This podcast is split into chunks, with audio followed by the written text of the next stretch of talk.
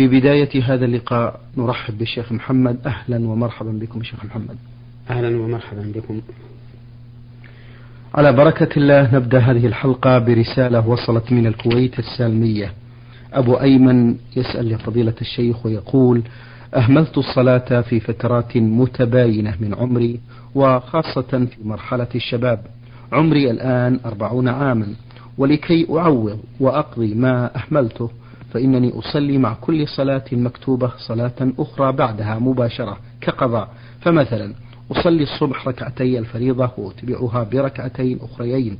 الظهر أصلي أربع ركعات وبعدها مباشرة أصلي أربع ركعات.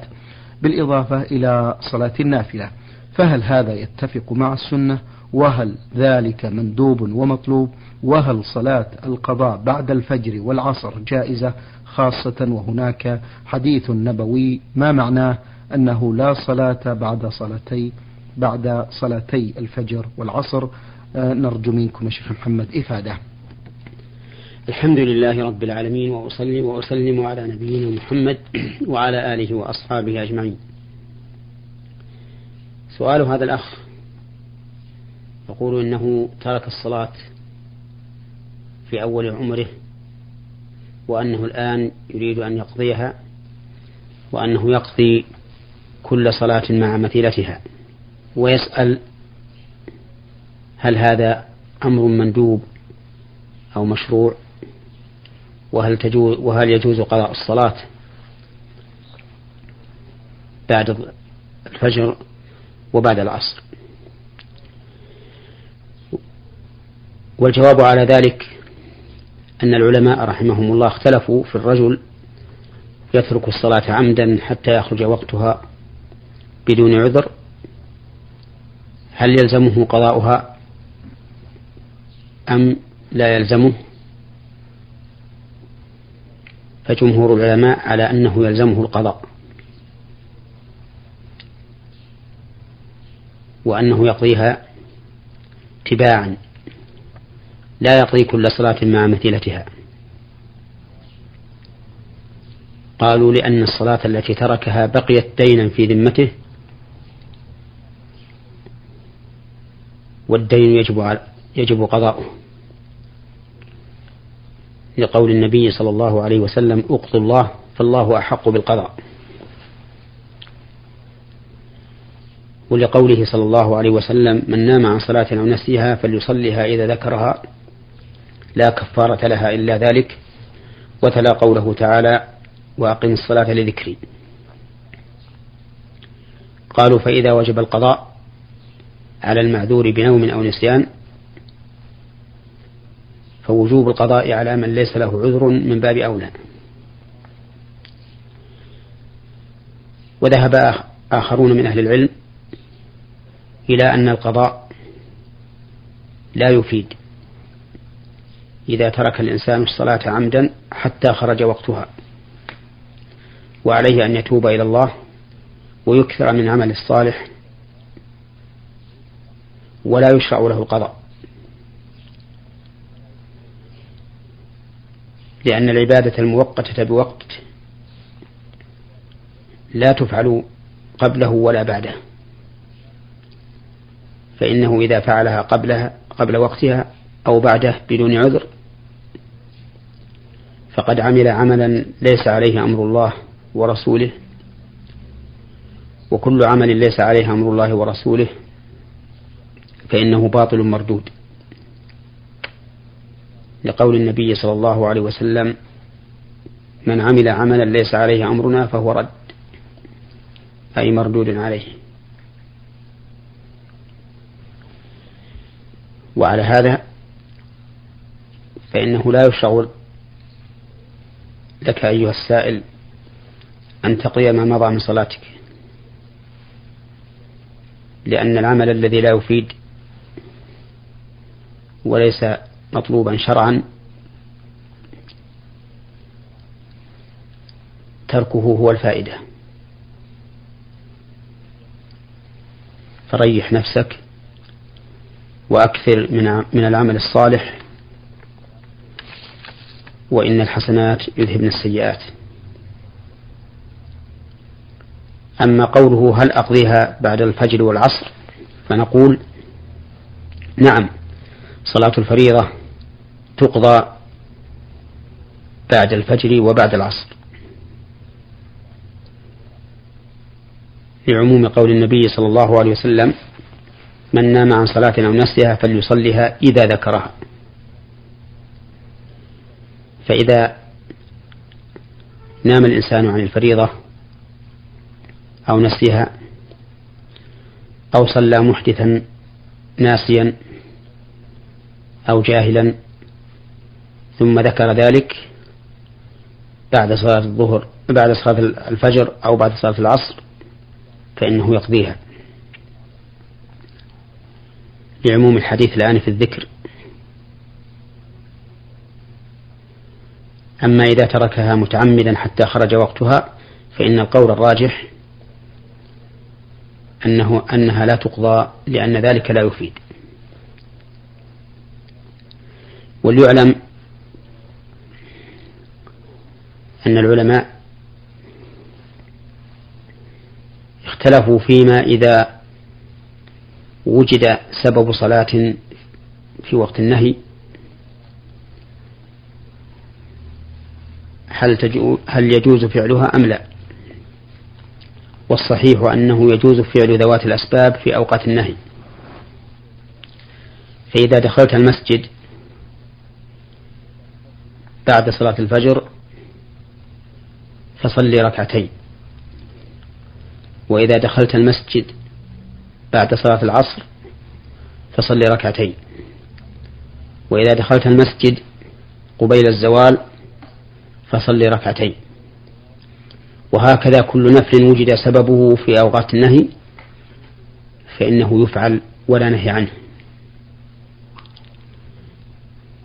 هذا هو القول الراجح من أقوال أهل العلم.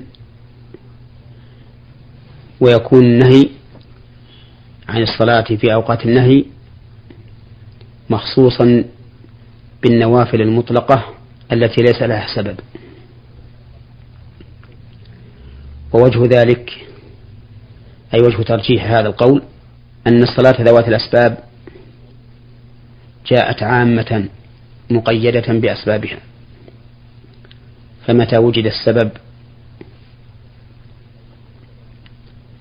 جاز فعل الصلاة في أي وقت كان. وتكون ذوات الأسباب مخصصة لعموم النهي. كما أن في بعض أحاديث النهي ما يدل على أن ذوات الأسباب لا تدخل فيه حيث جاء في بعض ألفاظه لا تتحروا الصلاة. وهذا يدل على أن ما فعل لسبب فلا بأس به لأن ذلك ليس تحريا للصلاة في هذه الأوقات. نعم. آه رسالة وصلت من شاب من جمهورية مصر العربية أمين توفيق يقول بأنه يعمل في المملكة العربية السعودية بمدينة الزلفي. يقول لقد رزقت ولله الحمد بمولود في يده اليمنى إصبع زيادة. هل هناك حرج لو أزلت هذا الإصبع؟ رغم أنه كان لي أخ قبل ابني له إصبع زيادة في يده ولقد ذهبت إلى الدكتور وأزال هذا الإصبع زيادة. هل هناك حرج في نظركم في الشرع في هذا؟ الجواب ليس هناك حرج في إزالة هذا الأصبع الزائد لأنه من باب إزالة العيوب. وما كان من باب إزالة العيوب فإنه لا بأس به. ولهذا أذن النبي صلى الله عليه وسلم للرجل, للرجل الذي قطع أنفه أن يتخذ أنفا من ورق أي من فضة فلما أنتن جعله من ذهب. وأقره النبي صلى الله عليه وسلم على ذلك. وهنا يجب أن نعرف الفرق بين العملية التي قصد بها إزالة العيب وبين العملية التي يقصد بها زيادة الجمال ولهذا نقول إن العملية التي يقصد بها إزالة العيب لا بأس بها لأن المقصود بها التخلي مما يشوه كما دل على ذلك الأثر السابق. وأما العملية التي يقصد بها زيادة التجميل فإنها محرمة. ولهذا نهى النبي عليه الصلاة والسلام عن النمص بل لعن فاعله وعن الوشم وعن الوشر وهو برد الأسنان للتحسين ونهى أيضا عن الوصل وصل الشعر لأن فيه زيادة لأن فيه زيادة جمال للأنثى. فكل عملية يقصد بها التجميل فهي محرمة. قياسا على النمص والوشم والوشر. وكل عملية يقصد بها زوال العيب فإنها جائزة ولا بأس بها. قياسا على اتخاذ الصحابي أنفا من الذهب وإقرار النبي صلى الله عليه وسلم له. وعلى هذا فقطع الأصبع الزائدة وقطع الثالول وما أشبهها مما يكون عيبا مشوها لا بأس به. ولكن بشرط أن يستشار في ذلك الأطباء المختصون حتى لا يعرض الإنسان نفسه للخطر. بارك الله فيكم. من العراق محافظة صلاح الدين المستمع أحمد محمد صالح. المستمع يقول قال الله تبارك وتعالى في كتابه العزيز وإذ قال ربك للملائكة إني جاعل في الأرض خليفة. قالوا أتجعل فيها من يفسد فيها ويسفك الدماء ونحن نسبح بحمدك ونقدس لك. قال إني أعلم ما لا تعلمون. السؤال فضيلة الشيخ كيف عرفت الملائكة أن آدم وذريته سوف يفسدون في الأرض ويسفك بعضهم دم بعض؟ وهل يدل ذلك على أن هناك بشرا خلقوا قبل آدم علما أن الملائكة عندما عرض الله تعالى عليهم الأسماء قالوا لا نعلم؟ وهذا ما جاء في قوله تعالى وعلم آدم الأسماء كلها ثم عرضهم على الملائكة قال أنبئوني بأسماء هؤلاء إن كنتم صادقين قالوا سبحانك لا علم لنا إلا ما علمتنا إنك أنت العليم الحكيم. الجواب عن الآية الكريمة في قوله تعالى وإذ قال ربك للملائكة إني جاعل في الأرض خليفة اختلف فيها المفسرون. فمنهم من قال إن معنى قوله خليفة أي خالفا لمن سبقه. وكان في الأرض عمار قبل آدم. وكان هؤلاء العمار يحصل منهم سفك الدماء والإفساد في الأرض. واستدل هؤلاء بقول الملائكة عليهم الصلاة والسلام أتجعل فيها من يفسد فيها ويسفك الدماء ونحن نسبح بحمدك ونقدس لك. وبأن الجن قد خلقوا قبل الإنس. كما قال الله تعالى ولقد خلقنا الإنسان من صلصال من حماء مسنون والجان خلقناه من قبل من نار السموم. ومنهم من قال بل إن المراد بقوله خليفة أي قوما يخلف بعضهم بعضا فيأتي فيذهب أناس ويأتي آخرون. وعندي أن الأول أقرب لموافقته لظاهر الآية وهو أن آدم وذريته سيكونون خلفاء لمن سبقهم ممن هو على الأرض وأن الملائكة قالوا أتجعل فيها من يفسد فيها ويسفك الدماء؟ بناء على ما حصل من هؤلاء القوم الذين خلفهم آدم وذريته في الأرض. وفي في الآية الثانية التي ساقها السائل وهو قول الملائكة لما قال الله لهم أنبئوني بأسماء هؤلاء إن كنتم صادقين قالوا سبحانك لا علم لنا إلا ما علمتنا إنك أنت العليم الحكيم. فيها دليل على أن الإنسان إذا سئل عن شيء لا يعلمه فإنه يقول مثل هذا القول. فيقول الله أعلم أو لا علم لنا إلا ما علمنا الله أو ما أشبه ذلك من الكلام. فإنه لا يجوز للإنسان أن يقدم على الفتوى أو على الحكم بين الناس بلا علم لأن ذلك من كبائر الذنوب. قال الله تعالى قل إنما حرم ربي الفواحش ما ظهر منها وما بطن والإثم والبغي بغير الحق وأن تشركوا بالله ما لم ينزل به سلطانا وأن تقولوا على الله ما لا تعلمون. وقال تعالى ولا تقف ما ليس لك به علم إن السمع والبصر والفؤاد كل أولئك كان كل أولئك كان عنه مسؤولا. ولقد كثر في الناس اليوم القول بلا علم القول في دين الله تعالى بلا علم. من عامة ومن طلبة علم لم يتحققوا مما يقولون ويفتون به. وهذا أمر خطير جدا.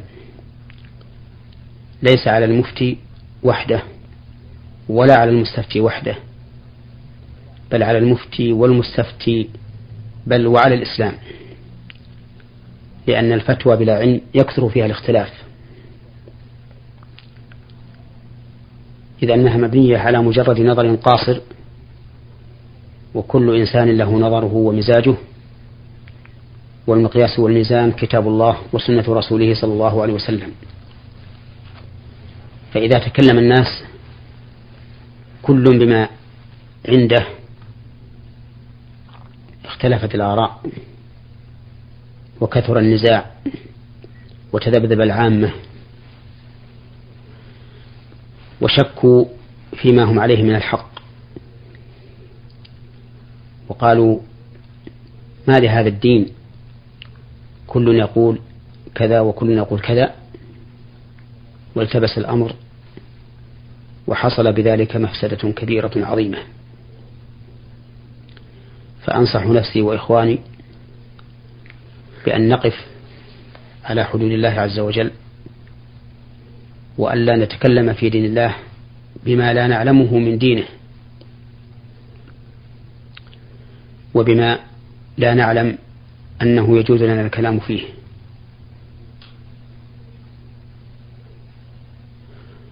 ولقد سمعنا أشياء كثيرة من هذا النوع. يأتي الإنسان فيسمع حديثا عاما يأخذ بعمومه وقد دلت الأدلة الواضحة الصريحة على تخصيصه. بل ربما يحكم بدليل قد نسخ ورفع حكمه من أصله. وربما يأخذ بآثار وأحاديث ضعيفة.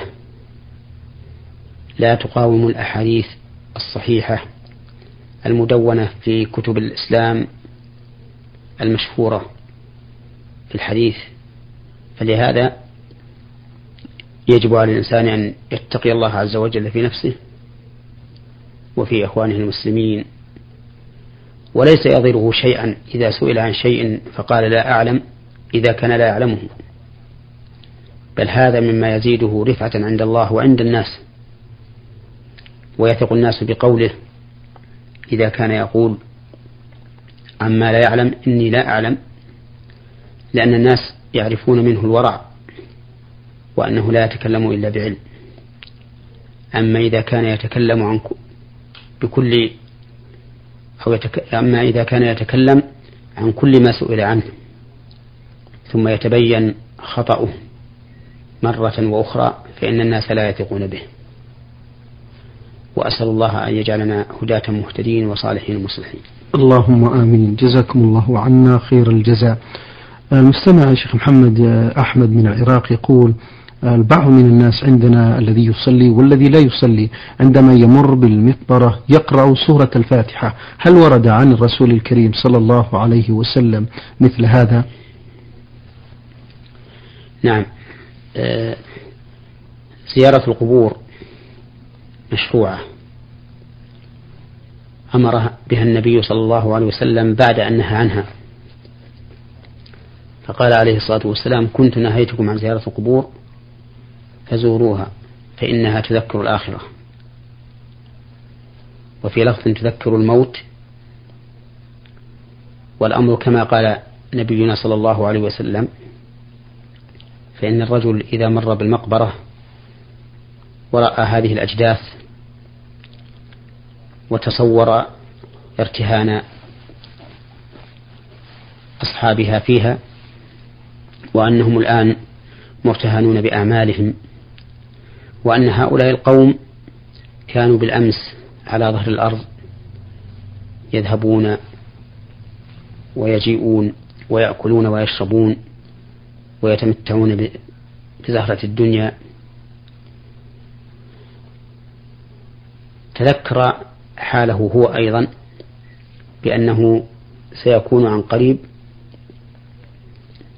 مثل هؤلاء مرتهنا بعمله لا يستطيع زيادة في حسناته ولا نقصا من سيئاته. فيتذكر ويعتبر ويزداد استعدادا للموت. ورسول الله صلى الله عليه وسلم أمر بزيارة القبور لكن أمره هذا خاص بالرجال. أما النساء فقد لعن النبي صلى الله عليه وسلم زائرات القبور والمتخذين عليها المساجد والسرج. فلا يحل للمرأة أن تزور المقبرة. لكن لو مرت المرأة بالمقبرة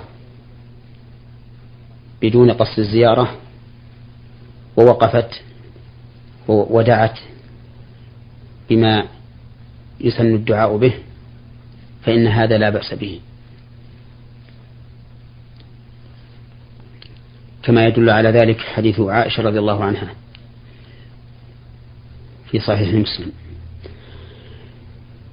وأما خروجها من بيتها لقصد السيارة فإن هذا داخل في لعنة الله. وأما من زارها فإن المشروع له أن يقول السلام عليكم أهل الديار من المؤمنين والمسلمين وإنا إن شاء الله بكم لاحقون. يرحم الله المستقدمين منا ومنكم والمستأخرين. نسأل الله لنا ولكم العافية. اللهم لا تحرمنا أجرهم ولا تفتنا بعدهم واغفر لنا ولهم. وأما قراءة الفاتحة عند زيارة القبور فإنه لا أصل لها. ولم ترد عن النبي صلى الله عليه وسلم. ولهذا لا لا ينبغي للإنسان قراءتها. لأنها غير مشروعة بل ينبغي له أن يدعو بالدعاء الذي ورد عن النبي صلى الله عليه وسلم وهو ما ذكرناه آنفا. نعم. آه سوداني مقيم بالمملكة يقول لقد سمعت من برنامجكم آه الممتاز هذا نور على الدرب أنه ينبغي آه آه مقاطعة تارك الصلاة لكفره. وبما أن ابن خالي لا يصلي وبما أنه جاء في القرآن الكريم في قوله تعالى لا ينهاكم الله عن الذين لم يقاتلوكم في الدين الآية. فهل يجوز لي أن أصله وأسد حاجته متعللا بهذه الآية الكريمة؟ الجواب أن تارك الصلاة كسلا وتهاونا كافر كما دل على ذلك كتاب الله.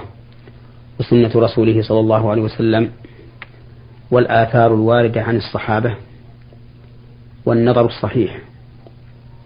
فهذه أربعة أدلة كلها تدل على كفر تارك الصلاة. فمن أدلة القرآن قول الله تبارك وتعالى عن المشركين بل قول الله تعالى للمشركين. فإن تابوا وأقاموا الصلاة وآتوا الزكاة. فإخوانكم في الدين. فاشترط الله تعالى لثبوت أخوتهم في دين الله ثلاثة شروط. الأول التوبة من الشرك والثاني إقام الصلاة والثالث إيتاء الزكاة. فإن لم يتوبوا من الشرك فهم مشركون وليسوا إخوة لنا.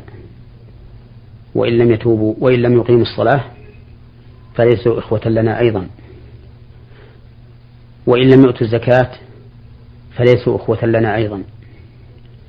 ولكن نقول أما عدم إقامتهم للصلاة فإن أخوتهم لنا في دين الله تنتفي انتفاء مطلقا لأنهم كفار كما دل على ذلك. نصوص السنة وآثار الصحابة. وأما إذا لم يؤتوا الزكاة فليسوا إخوة لنا الأخوة الكاملة المطلقة. لأن تارك لأن مانع الزكاة قد دلت السنة على أنه لا يكفر. فنحن نأخذ بالأدلة حيثما كان مدلولها. نفرق بين ما فرق الله بينه بين ما فرق الله ورسوله ونؤلف بين ما ألف الله ورسوله. وأما دلالة السنة على كفر تارك الصلاة فقوله صلى الله عليه وسلم ففي قوله صلى الله عليه وسلم بين الرجل وبين الشرك والكفر ترك الصلاة. وقوله صلى الله عليه وسلم العهد الذي بيننا وبينهم الصلاة فمن تركها فقد كفر. وكلاهما صحيح. الأول في مسلم والثاني في السنن. وهما صريحان في أن تارك الصلاة خارج من الإسلام. لأن البينية حد فاصل. والحد يفصل بين المحدودين. بحيث لا يتداخلان. وعليه فإنهما صريحان في كفر تارك الصلاة. فإن قال قائل أفلا يحمل الحديث على أن المراد؟ بل فإن قال قائل أفلا يحمل الحديثان على أن المراد بذلك من تركهما من ترك الصلاة جاحدا لوجوبها. قلنا هذا لا يصح. لوجهين. الوجه الأول أن جاحد وجوب الصلاة كافر ولو صلى. فيكفر بجحده لا بتركه. الوجه الثاني أننا لو قلنا بذلك لأبطلنا دلالة النص. وصرفناه عن ظاهره إلى معنى يخالف الظاهر. ولكان يلزم من ذلك أن الرجل إذا صلى وهو جاحد للوجوب فليس بكافر مع أن الجحد كفر على كل حال. وأما الآثار الواردة عن الصحابة رضي الله عنهم فقد روي ذلك عن عمر وابن مسعود وبضعة عشر صحابيا. بل قال عبد الله بن شقيق كان أصحاب رسول الله صلى الله عليه وسلم لا يرون شيئا من الأعمال تركه كفر إلا الصلاة. وقد نقل إسحاق بن راهوية رحمه الله الإجماع على كفر تارك الصلاة من عهد الصحابة إلى زمنه رحمه الله. وأما النظر فلأنه كيف يمكن أن نقول عن رجل يحافظ على ترك الصلاة ليلا ونهارا ولا يبالي بها؟ كيف نقول إن هذا في قلبه إيمان؟ وهو يعلم ما للصلاة من شأن في كتاب الله وسنة رسوله صلى الله عليه وسلم. حتى إن الله تعالى فرضها على رسوله محمد صلى الله عليه وسلم بدون واسطة. وفرضها عليه وهو فوق السماوات. وفرضها عليه خمسين صلاة. لولا أن الله خفف عن عباده إلى خمس. كل هذا يدل على أهمية الصلاة وعلو شأنها. والله أعلم. آه شكر الله لكم شيخ محمد وعظم الله مثوبتكم. أيها الإخوة المستمعون الكرام كان لقاؤنا مع فضيلة الشيخ